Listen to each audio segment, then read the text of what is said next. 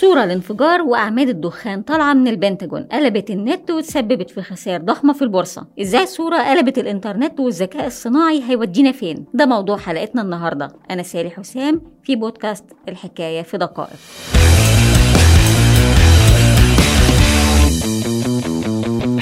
الحكاية بدأت بصورة تقولش حقيقة. أعمال الدخان سودا طالعة من مبنى البنتاجون وانتشرت الصورة على حساب بالعلامة الزرقاء عامل نفسه تبع شبكة بلومبرج الإخبارية. مع تعليق بيقول انفجار ضخم قرب مجمع البنتاجون في واشنطن ومن هنا عينك ما تشوف إلا النور. وسائل الإعلام الروسية مسكت الصورة ونزلت بالخبر.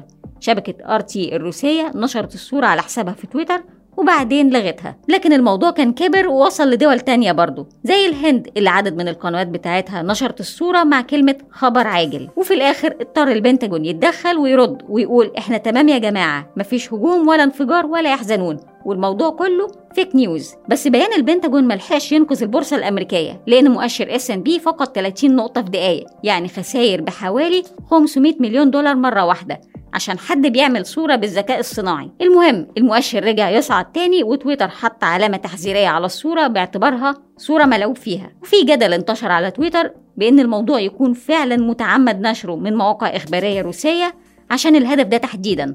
ضربة صغيرة في البورصة الأمريكية واتفرج على ردود الأفعال. الموضوع فتح الكلام في سكتين. أولهم العلامة الزرقاء في تويتر وإزاي إن بقى من حق أي حد يدفع 8 دولار ويحط العلامة الزرقاء على أي حساب بأي اسم. وده فتح المجال لانتحال الشخصيات. بس دي حاجة تقنية في تويتر وممكن تتحل بسهولة. الرعب بقى كان في سلاح الذكاء الصناعي واللي مش محتاجين نخليه يوصل لمرحلة الذكاء الفائق. ما هو بمستوى المبتدئين ده كان كفاية إن هو يقلب البورصة. فتخيل بقى ممكن يعمل إيه تاني في السياسة أو الحروب. عموما في حالة الصور دي ففي شوية نصايح ممكن عشان ما تقعش في الفخ ده. زي إنك ما تتسرعش في الشير لأن الأخبار المزيفة عادة مصممة إنها تلعب على المشاعر.